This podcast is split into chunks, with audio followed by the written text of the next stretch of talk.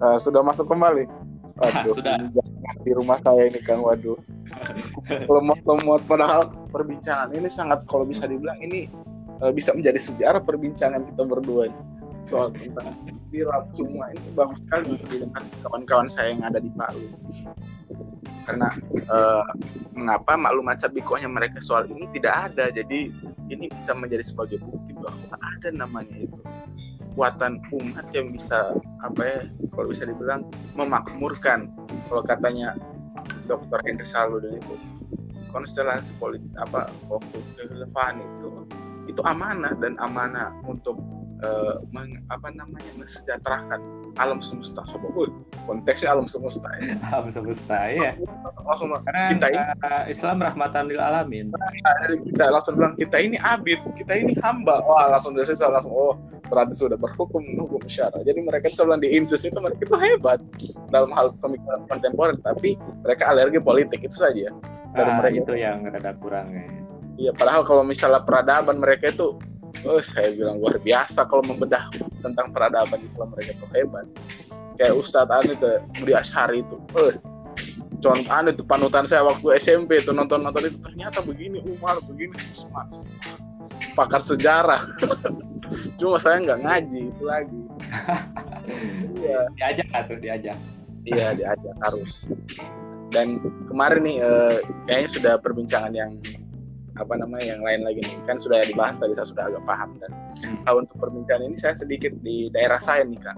Hmm. uh, kemarin saya diskusi saya tiba-tiba kan tiap malam itu gelisah saya cuma dalam rumah. Jadi saya keluar tiba-tiba ke taman. Nah di situ ada seorang ustadz yang kalau bisa dibilang petinggi petinggi wahda Islamiyah. Ya saya diskusi diskusi dan beliau uh, paham bahwa akidah Islam itu adalah sebuah ideologi ya, ya langsung saya bahas tentang pertikaian ideologi apa dan mereka iya memang iya dan memang akan tegak uh, apa namanya uh, bicara rasul. Jadi ustadz ini pro dan saya bilang langsung dia bilang begini sama saya harusnya antum itu menyuarakan ini. Sama oh ya ustadz saya di kampus alhamdulillah saya terus ini menyuarakan soal ini soal kebenaran. Iya. Uh, kalau bukan kita yang berkontribusi kenapa kenapa harus orang lain? Jadi kita harus berkontribusi ya sama luar biasa lah. Jadi mendukung ada yang mendukung. Tapi kalau bisa dilihat itu wah itu bagaimana ceritanya itu? Mereka memang mendukung penuh atau ada yang tidak mendukung? Itu bagaimana kang? Andika iya uh, jadi sebenarnya ini kalau menurut pendapat saya ya yeah, bisa yeah. jadi nanti perlu ada apa semacam tambahan lah dengan yeah, yeah. nah orang-orang yang kalau pendapat saya sebenarnya memang secara pemikiran gitu ya umat Islam itu sudah mengarah kepada uh, uh, ini apa glorifikasi Islam gitu ya. Ah, iya iya iya.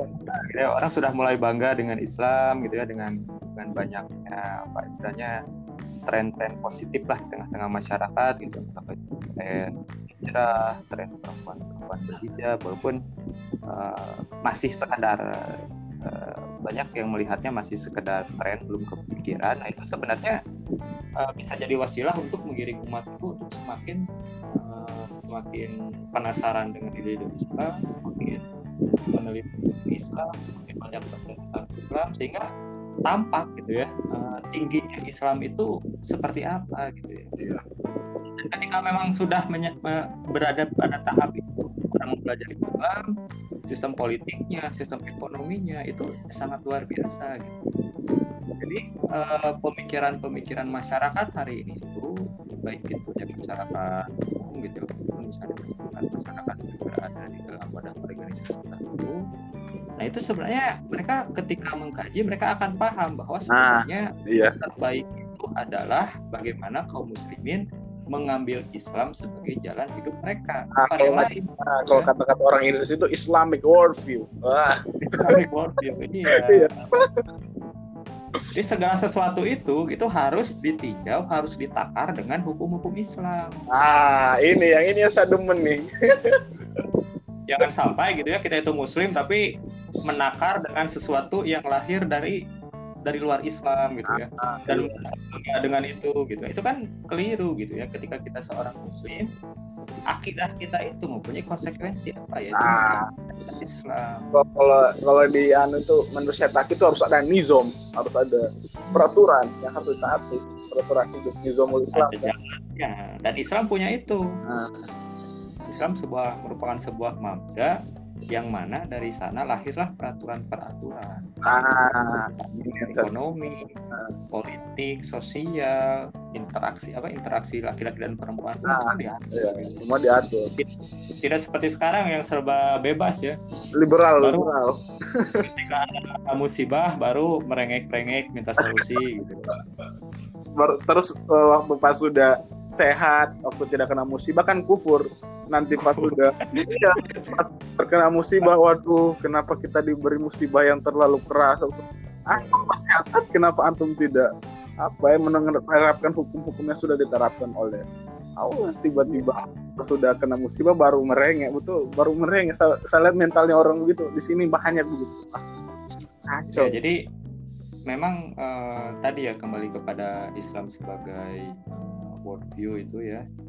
Jadi eh, yang perlu dipahamkan oleh kaum muslimin hari ini itu ya termasuk eh, kita semua dan juga teman-teman yang ada di organisasi bagaimana menempatkan Islam itu sebagai sesuatu yang paling tinggi gitu. Jangan sampai eh, ada ide-ide lain yang melebihi itu. Karena ketika itu dilakukan, walaupun ada seseorang itu dia seorang muslim tapi ketika dia lebih memilih ide-ide lain maka keislamannya itu hanya sekedar Islam KTP saja gitu ya. menolak syariat, menolak khilafah, menolak jihad, bahkan wah, menghapuskan segala sesuatu yang berbau dengan jihad dan khilafah. Nah. Ini maksudnya apa gitu? ya? Apakah memang dia itu benar seorang muslim atau hanya muslim KTP saja yang ibaratnya ketika punya pengaruh kekuasaan itu bukannya malah meninggikan Islam tapi justru malah menghilangkan Islam ingin menghilangkan Islam di benak masyarakat gitu. Eh, bagus nih ada tadi soal materi-materi yang dihilangkan itu bagaimana tanggapannya Bang Andika soal Kementerian Agama ini akan menghapuskan 158 kalau tidak salah 158 materi yang ada di pondok pesantren soal pendidikan agama Islam. Nah, timbul pertanyaan kembali di pondok pesantren itu tidak ada namanya pendidikan agama Islam yang ada itu penerapan pendidikan agamanya soal ekonomi Islam, soal fikih itu bagaimana tiba-tiba eh, gerasa Iya, iya. menteri ini itu bagaimana tanggapannya Bung Andika? Ya sebenarnya kan eh, rezim sekarang ini kan banyak main di opini ya, di Iya ya. Mengeluarkan sebuah statement masyarakat ribut baru cuci tangan gitu ya. Cuci tangan. Iya, ya, kelakuannya seperti itu kan. Ya, lanjut lanjut. Termasuk sebenarnya ketika ada ada statement dari tadi Menteri Agama ya. Iya ya Menteri Agama kalau lagi. Ya sebenarnya kan kalau kita berbicara terkait dengan materi-materi yang dihilangkan itu, ini sebenarnya upaya sekularisasi sebenarnya kan. Ketika orang itu hanya mengambil satu bagian dari Islam kemudian menghilangkan yang lain, itu sudah ciri dari pemikiran-pemikiran sekuler gitu ya. Iya. Khilafah, jihad itu dihilangkan, tetapi dana haji dipakai buat pembangunan. Nah ini kan keliru ini. Iya sangat kalau saya sangat zolim itu sangat zolim karena ini aduh. Kalau saya Bahaya. melihatnya ya, eh, rezim ini tuh memang eh, ini apa eh, pilih-pilih gitu ya dalam. Iya. Jadi terhadap syariat Islam yang itu mengancam eksistensinya, wah ini radikal harus di- dihilangkan. sampai-sampai yang lucu kemarin itu juga begini bang soal celana cingkrang dengan cadar. Waduh, ini bagaimana pula dipertanya? Eh, saya bilang sudah agak keliru ini menteri sekarang ini. Nah, di karangan ulama saja kan ikhtilaf. Ini sok-sokan mau menetapkan itu gitu ya. Dia itu sekali berapa sih sebenarnya keilmuannya gitu kan. Iya. Nah, Jadi ini- kok eh, lanjut lanjut kan. Iya, memang ya tadi ya kembali ke tadi ya ketika berbicara terkait dengan penghapusan penghapusan materi pelajaran agama itu ya. Pada dasarnya sebenarnya rezim ini ingin mengeliminasi sejak awal potensi-potensi sesuatu yang bisa mengganggu kekuasaannya gitu ya. Karena kalau kita berbicara terkait dengan Islam politik itu sudah jelas sangat bertentangan dengan sistem yang sekarang diterapkan gitu ya jadi politik demokrasi yang berasaskan dari materialisme dan juga bersumber dari mabda kapitalisme ini pasti akan tidak akan bisa menerima Islam gitu ya secara politik ya. Yang kecuali tadi mungkin zakat, dana haji gitu. Ya. Iya. Sodakoh gitu. Oh, itu diterima lah negara pasti lah gitu. Oh, jadi begitu.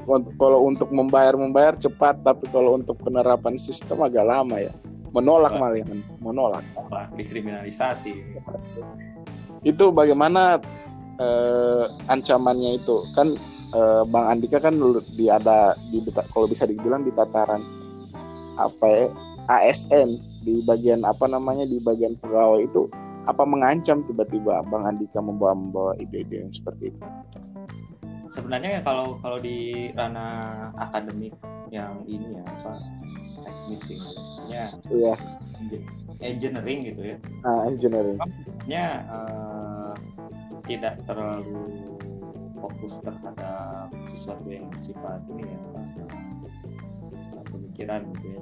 Oh. Kalau bisa dilihat memang di ranah akademik itu uh, fokus kepada bidangnya saja gitu. Iya, iya. Ada, ada trennya seperti itu gitu ya. Walaupun sebenarnya kan kalau membuka pemikiran mah kan ya boleh-boleh saja ini kan. Iya. Misalnya seorang profesor di bidang teknik kelautan mengomentari hukum yang sekarang ini terjadi gitu ya fenomena fenomena hukum kan kan boleh boleh saja berpendapat. Ya cuman memang kecenderungannya uh, fokus terhadap eh, hal-hal uh, yang menjadi misalnya keahliannya dan, iya. dan memang doktrinnya kan uh, cobalah berkarya dengan kemampuan ah iya bidang, iya. bidang Wah, anda iya. gitu ya untuk berkontribusi negara dan lain-lain. Fokus fokus Nah, sebenarnya ini menarik tadi kalau misalnya di lingkungan kampus tempat saya kuliah gitu ya. Yeah. Lalu, memang secara sektoral gitu ya, eh, penelitian di jurusan atau di fakultas itu memang ya doktrin seperti tadi gitu ya. Tapi kalau keadaan kampus secara umum itu itu walaupun kampus engineering gitu ya, teknik tapi tetap masih sensitif terhadap hal-hal seperti itu. sensitif. Saya, saya saya masih ingat uh, pada tahun 2017 gitu ya saat ada muncul BNPT itu memunculkan isu radikalisme kampus gitu ya. Hmm. Uh, secara apa ya maksudnya otomatis gitu. Hmm. secara latah atau apa gitu ya. Yeah. Ya. Jadi saya kampus juga rada mem, ini ya tidak membiarkan ide-ide yang dianggap radikal itu tadi berkembang di kampus. Ah, itu itu. Satu contohnya itu yang di kampus saya itu adalah dengan uh, adanya kriminalisasi dan pembubaran terhadap salah satu unit tertentu yang dianggap sebagai unit yang radikal dan itu tidak dikasih izin lagi, SK-nya tidak muncul lagi sehingga uh, tidak bisa berkegiatan lagi secara formal ya di, di kampus gitu ya karena karena ada isu tadi yang dilemparkan oleh eh, BNPT sehingga memang kampus-kampus pun memang mengikuti kebijakan itu. Dan saya pikir tidak hanya di kampus saya ya di kampus-kampus saya juga terutama di iya. kampus tapi itu sedang gencar-gencarnya tuh. Iya kayak dari contoh di kampus kemarin ya. Uh, contohnya di kampus saya juga begitu. Ada ya kan masalah komsat GP dihilangkan di bulan seperti ini jadi memang kekhawatiran ya saya, saya, saya, saya melihatnya juga ini adalah kekhawatiran dari rezim juga gitu ya karena memang potensi-potensi di kampus itu kan luar biasa ya ketika itu iya kembang wah ini bisa memantik perlawanan yang sangat besar gitu ya. Tapi kalau saya lihat di situ kegagalan pol kebijakan politiknya kampus karena diintervensi oleh pihak-pihak luar takut. Kalau di kampus saya itu bayangkan sekelas apa ya Polda itu masuk dan intervensi pihak kampus. Padahal harusnya kampus itu punya otoritas otoritas sendiri. Tidak gampang diintervensi tiba-tiba itu. Dan ketua GP saya hampir dikeluarkan. Padahal langsung dia bilang begini kepada Warek eh, Warek tiga. Saya ini membela agama saya dan ini wajib. Bapak ini agama apa? Oh langsung diam. Jadi tidak tidak perlu bahas-bahas itu. Sudah uh, jangan pakai Komsat Universitas Tadulako tapi Tadulako saja jangan pakai universitas. Dari situ saya bilang jadi Tadulako jadi karena nah, seperti ini ya Bang Hikmah ya yang di nah, kalau kalau Bang Hikmah lagi beliau itu kan IAIN dan IAIN itu orang-orangnya liberal semua. Dan yeah. tidak padahal Bang Hikmah itu hanya duduk-duduk melingkar tiba-tiba langsung diberikan surat. Padahal mereka tidak membawa senjata. Ini bagaimana? Ya jadi itu bukti kalahnya uh, argumentasi rezim terhadap pemikiran yang, yang dibawa gitu. iya. ini menggunakan instrumen-instrumen uh, fisik ya. Mm langsung digebuk langsung digebuk orang. Kelembagaan yang bisa menekan dan si orang-orang tersebut ya. ya ini uh, di satu sisi menjadi salah satu ini ya salah satu tanda ya. Kalau memang uh, dakwah revolusi Islam, syariah dan khilafah itu memang sudah eksis di tengah-tengah masyarakat dan sudah iya. Saya saya ini ya apa uh, mungkin kalau pengalaman dulu di awal-awal ini ya saya ber, berkecimpung di dunia dakwah itu hmm. yang menyampaikan hal seperti itu tuh dianggap ini utopis angin lalu. Iya, begitu kan lalu anu jubir kan dianggap utopis padahal sekarang eksis iya mungkin saya pengen ketemu lagi di orang-orang yang, yang yang dulu itu bilang utopis sekarang rezim udah turun tangan. Padahal kalau saya melihat video-video lama itu dari senior saya yang GP juga beliau memperlihatkan bahwa pada tahun SBY itu mereka itu aksi besar-besaran dari zero tapi tidak diekspos dan itu uh, pintarnya Pak SBY tidak biar saja mereka demo jangan diekspos oleh anu pihak. Ini malahan diekspos untuk tahun ini saya bang Ando ini salahnya tidak paham menjadi pemimpin ya gerasa untuk mengambil kebijakan. Gerusuk ya iya gerasa gerusuk. Dan tiba-tiba tiba-tiba langsung mencabut apa semua padahal kalau dilihat waktu pas beliau jadi uh, gubernur itu pernah diskusi dengan jubir. Ada fotonya sama saya. Hmm. saya bilang ah ini begini ini yang saya tidak suka. Ya. terlalu banyak uh, bisikan kanan kiri. Iya.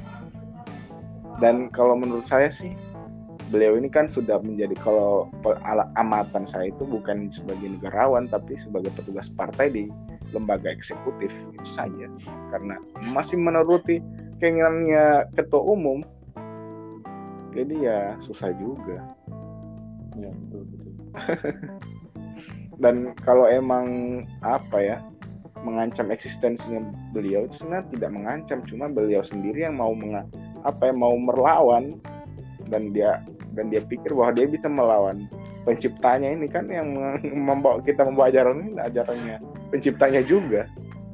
Dan beliau tidak punya kekuatan untuk untuk melawan gitu.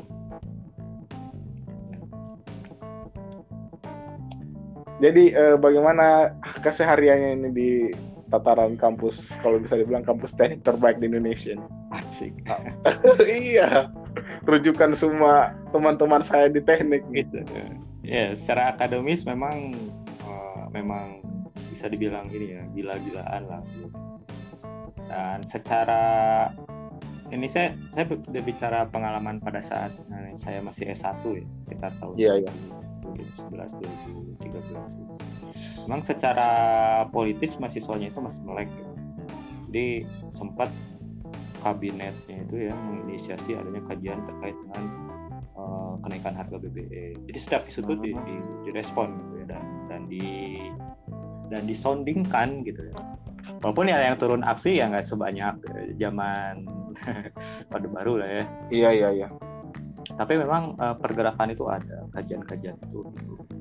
Nah sekarang itu sebenarnya memang karena ada uh, ada semacam isu radikalisme gitu ya. Jadi di, seakan-akan ada frame ketika melawan pemerintah itu dialah yang radikal. Dan itu tidak hanya ini ya, tidak hanya kampusnya sendiri, tapi alumninya juga ikut koar-koar. Aduh, di sana di sana gitu ya wah ini rektor radikal lah. Kemarin yang ada isu pemerintahan rektor gitu. Ada rektor radikal lah kemudian ada unit radikal lah ada mahasiswa radikal lah. Jadi ada semacam ini ya apa memang uh, sengaja dibuat opini-opini seperti itu untuk ini ya untuk me, me, mengacaukan suasana gitu ya untuk membuat keributan gitu ya. Jadi ketika berbicara terkait dengan uh, pergerakan Islam itu langsung ada counter tuh dari spanduk-spanduk yang dibikin oleh ini, hmm. ini gitu ya. dan bahkan termasuk ke institusi apa lembaga-lembaga keislaman pun sekarang itu memang rada hati-hati kalau bergerak jadi iya. memang sangat mudah sekali sekarang itu dipantik orang itu dituduh radikal gitu ya hanya karena uh, berseberangan dengan uh, rezim. Kemarin aja ini ini ini contoh yang real gitu ya. Jadi iya. uh, Pak Pak Din Samsudin Iya iya iya. Itu diminta keluar dari MWA oleh sebagian alumni. Alasannya apa sederhananya gitu ya? Sering ini, sering berseberangan dengan rezim sehingga katanya akan mengganggu hubungan antara kampus dengan pemerintah. Jadi seeksis itu, seeksis itu Prof. Din Samsudin ya. Kekuatan Jadi, sampai apa ya, pemerintah takut. Hmm, dan untungnya gitu ya eh, dari alumni juga yang lain gitu ya, dan juga dari beberapa pihak dari ada sebenarnya saya juga pernah membaca tulisannya dari dosen juga yang membela Prof. Din Samsudin gitu ya dan ini uh, saya pikir memang tidak semuanya juga ya di, di kampus itu uh, langsung terafiliasi dengan rezim atau iya iya tidak semua yang tidak semua. Memang, memang hari ini orang orang-orang berpengaruhnya bisa jadi di, dipegang oleh uh, dipegang hmm. oleh uh, penguasa tapi ya Karena, orang uh. orang lain yang memang kritis terhadap kondisi hari ini juga masih ada iya. dan itu sebenarnya yang yang perlu dihimpun supaya memang bisa memberikan perlawanan yang lebih masif dan lebih menggigit begitu ya. Hmm. Karena mereka ya. itu paham juga sih kalau saya lihat dari sisi politik mereka itu agak paham soal framing pemerintah sekarang itu agak keliru banyak yang keliru dan beberapa kebijakan itu tidak adil. Nah itu masyarakat sekarang ini sudah agak paham bahwa yeah. makin hari makin susah lah mereka akan membayar BPJS, membayar inilah, membayar itulah, terlalu banyak dipajak dan sekarang ada wacana dari pihak Kementerian Perhubungan tentang akan diadakannya pajak sepeda. Nah ini yeah. saya bilang ini sudah semua orang dipajak ini sampai apa pun dipajak. Nah ini yang begini ini berbahaya. Udah ini udah kehabisan sumber ini sumber pemasukan. Jadi yang sumber-sumber pemasukan yang potensial itu malah dikuasai asing jelas ya. Kebagiannya cukup apa tang uh, tanggapannya Bang Andika soal apa ya? Lemahnya politik ekonominya orang Indonesia itu itu berdampak pada stabilitas APBN itu berdampak sekali atau bagaimana? Jadi sebenarnya kan memang aktivitas ekonomi itu sendiri kan sangat berpengaruh dengan uh, politik ya karena yeah. kita iya. tidak hanya berbicara mekanisme ekonomi yang sifatnya itu mikro tapi juga secara makro artinya ada kebijakan yang berpengaruh di sana gitu ya jadi ibaratnya seperti ini kalau misalnya kita berbicara aspek mikro saja ini sebenarnya bisa masih bisa diikuti ya logikanya itu dengan ini ya dengan ilmu-ilmu ekonomi lah ya. Jadi bagaimana misalnya menaikkan daya mena, apa transaksi, bagaimana menghidupkan perekonomian, bagaimana UMKM bisa menjalankan usahanya gitu. Itu masih bisa diikuti dengan ilmu ekonomi gitu ya. Tapi ketika berbicara makro, itu tidak hanya ilmu ekonomi tapi juga sistem ekonomi yang itu diwarnai oleh mabda tertentu gitu ya. Nah, kebijakan ekonomi makro di Indonesia hari ini itu ya, ya kita tidak bisa menutup mata bahwa ini adalah ekonomi kapitalis gitu ya. Walaupun dibumbui dengan ekonomi istilah ekonomi campuran lah, istilah ekonomi Pancasila atau apa pun itu gitu. Tapi pada faktanya secara makro ekonominya itu adalah ekonomi kapitalis. Yang mana ekonomi kapitalis kita tahu sendiri yang mempunyai pengaruh terhadap kebijakan atau berjalannya perekonomian itu adalah para pemilik modal yang mana sistemnya juga memang disupport oleh para pemilik modal tersebut gitu ya. sehingga para penentu kebijakan para pemegang kebijakan baik itu yang ada di ranah eksekutif legislatif itu pada dasarnya adalah memiliki kecenderungan untuk mengakomodasi keinginan dari para pemilik modal efeknya apa ya ini adalah mainannya para pemilik modal sehingga kalau misalnya perekonomian itu naik gitu ya maju gitu ya yang paling memiliki banyak untung ya mereka mereka itu. Tapi kalau lagi down logikanya mereka ingin tetap untung jadi yang dikorbankan apa? Ya para para ini apa uh, pelaku ekonomi mikro gitu ya ya kita lihat sekarang gitu ya misalnya terkait dengan uh, sulitnya usaha gitu ya dengan banyaknya pengangguran ini menunjukkan bahwa sebenarnya di di bawah ini sedang terjadi sesuatu yang tidak baik gitu. yang itu ada sesuatu itu. yang kalau menurut saya itu yang tidak baik-baik saja hmm. jadi yang kalau orang-orang kaya mungkin atau para pemilik modal mungkin tidak memiliki pandangan itu gitu ya boro-boro mereka melihat apa melihat penderitaan rakyat itu yang ada mereka bagaimana mengoptimalkan keuntungan baik itu pada masa normal ataupun masa pandemi gitu ya. Jadi, jadi, jadi menarik gitu ya. Jadi uh, dana yang dikeluarkan pemerintah untuk penanganan COVID ini kan kan untuk sosial dan kesehatannya kan tidak seberapa ya. Iya iya. Justru yang paling banyak itu adalah untuk memilih memulihkan uh, perekonomian termasuk iya. terhadap para pemain besar. Nah, uh, yang saya ingat waktu anu apa bincangnya dengan Mbak Najwa itu, ditanya sama Mbak Najwa, uh, menurut Pak Presiden yang penting itu keselamatan rakyat atau ekonomi. Nah, langsung itu yang saya yang saya agak sesali bahwa begini ucapan Presiden. Kita ini harusnya memposisikan utama itu rakyat, tapi ekonomi itu juga penting ya. Saya bilang, waduh, ini bagaimana ini statement seperti ini yang bisa dibilang tidak mengutamakan harusnya prioritas skala prioritas dan beliau tidak bilang skala prioritas cuma utama dan ekonomi itu penting dan harus disejalankan. Saya bilang, waduh kacau ini. Jawaban nanggung adalah politisi. dan uh, tanggapannya Bang Andika soal gimana nih?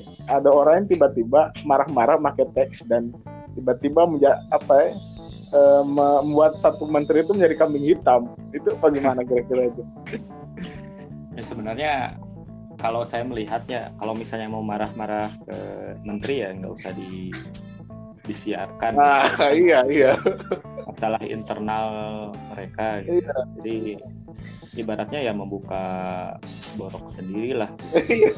kan sebenarnya kan di forum yang lain kan itu ada bantahannya juga. Ternyata ya kementerian yang dimaksud itu belum menerima dana COVID. Iya, belum pernah sepeser pun belum. Bagaimana? Gitu. Uh, uh, dan dan waktu di LC itu saya agak mendukung komentar Fahri Hamzah soal sebenarnya tidak ada namanya rapat di eksekutif, yang rapat itu DPR bukan eksekutif. Jadi salah presiden loh. Ketawa saya di situ. Oh, dan memang kesannya ini ya apa uh, ingin cuci tangan saja ah. Jadi kalau misalnya uh, ini saya rada ini ya rada, rada kasar gitu ya. Kalau iya, kalau iya. misalnya seandainya presiden itu tidak becus mengurus permasalahan ini maka sebisa mungkin jangan dia nanti yang disalahkan. Tapi disalahkan orang lain bahwa iya. kalau saya lihat ini aman aja gitu ya. saya lihat makna politiknya iya. Sampai-sampai dia menyinggung sudah berapa banyak ini uh, dana yang sudah dicarikan tapi sampai sekarang tidak ada. Dan beliau lalu mengkambing hitamkan satu menteri itu. Dan. Iya. uh, apakah saya mau uh, buat papers lagi? Saya mau anu bagaimana ini? Tiba-tiba pas ditanyakan sama menteri tidak ada. Saya waduh kacau. Belum belum ini belum belum briefing ya? Belum briefing. iya belum briefing lagi. Tapi kalau saya lihat masalah hierarki di gedung apa di istana itu memang kacau. Tidak ada sebenarnya pemimpin yang bisa mereka dengar. Jokowi kalah kayaknya kalah dengan beberapa menteri yang kalau bisa memang menjadi panutan seperti Pak Luhut itu kalau menurut saya pilotnya jadi lord di apa namanya di bagian gedung itu. Perdana menteri. Sekelas perdana menteri. Iya. Karena kan dari menteri A statement ini, B ini dari presiden ini, ujungnya kan yang diambil menteri dari menteri Luhut. Ketika Luhut udah ngomong A, udah itu yang diambil gitu ya. Jadi bodo amat menteri A, menteri bahkan presiden pun gitu ya. Iya. Misalnya TKA kemarin dari kementerian ini, ini beda pendapat ketika Luhut bilang boleh masuk ya udah selesai masuk apa sepertinya Pak Luhut itu yang punya kekuasaan tertinggi di Indonesia tahun ini ya ya perdana menteri. Kalau ke sistem monarki kan seperti itu ya. Presiden itu kayak raja aja. Dia cuma simbol aja. Buat iya monarki ya apa gitu ya. Buat amal kegiatan amal di foto-foto gitu ya. Di belakang itu kan perdana menteri yang bekerja. Hmm. dan kalau saya lihat sih agak bagaimana ya. Kalau mereka dan kalau menurut saya PSBB yang dilakukan dari beberapa kota besar itu tidak berhasil malahan tambah banyak lagi korban itu bagaimana kira-kira itu PSBB itu di Bandung itu gimana Ya di Bandung aja dua hari yang lalu itu ada sekitar 900 sampai 1000 lebih sehari ya. Ada klaster baru ya di, di Secapa gitu. Dan memang kalau saya melihatnya ini eh, PSBB yang dimaksudkan itu kan untuk membatasi ya. Membatasi aktivitas warga supaya membatasi juga penyebaran virusnya ya. Dan itu ternyata gitu ya dalam dalam perspektif yang lain itu menghambat uh, kegiatan ekonomi dari masyarakat terutama masyarakat yang memiliki modal gitu ya dengan ditutupnya mall dengan apa dengan apa uh, jalur transportasi terputus pengiriman barang pun terputus itu ternyata kan menghalangi itu. Akibatnya kalau saya melihat ya uh, new normal itu sebenarnya ini aja apa supaya uh, para pengusaha besar itu tidak terlalu rugi saja gitu. Jadi ibaratnya PSBB itu jadwalnya itu kalau kalau para pengusaha itu sudah oh nggak bisa nih nggak bisa terus PSBB kalau terus PSBB saya bisa rugi nah batasannya itu saja truk gitu, baru nanti new normal gitu. karena kan secara data ya data apa maksudnya data perkembangan COVID ya kemudian data sains juga sebenarnya kan nggak ada batasan jelasnya antara perubahan PSBB ke new normal kan malah sekarang tambah banyak naik gitu. jadi perubahannya itu berdasarkan apa gitu. saya melihatnya dari ke, ke permintaan para pemilik modal supaya usaha mereka itu tidak terlalu merugi. Hmm, karena yang saya lihat juga yang begitu Kang, realitanya langsung dibuka kok apa namanya pusat perbelanjaan masjidnya ditutup. Jadi saya bilang aduh ini, ini sampai-sampai ada iklan pelayanan masyarakat untuk bagaimana caranya pergi ke mall dengan tata cara apa semua. Saya kalau ke masjid tidak ada tata caranya. Tidak ada. nah ini salah satu menarik juga ya kalau menurut saya ya. Jadi uh, tadi yang mengacu kepada apa yang disampaikan Bang Ramadan terkait dengan uh, ekonomi dan juga kesehatan. Ini memang kalau berbicara secara lebih luas ini memang dua mazhab yang berbeda gitu ya. Jadi uh, mazhab kesehatan itu bawa hmm. data ini, bawa data ini ODP, PDP yang meninggal. Yeah. yang, ini, oh ini udah parah nih, harus lockdown gitu ya. Iya, iya, kalau iya. mazhab ekonomi bahwa datanya apa? Oh ini ada sekian ratus ribu pengangguran, sekian ratus sekian ratus ribu apa uh, masyarakat tidak bisa mengakses uh, perekonomian.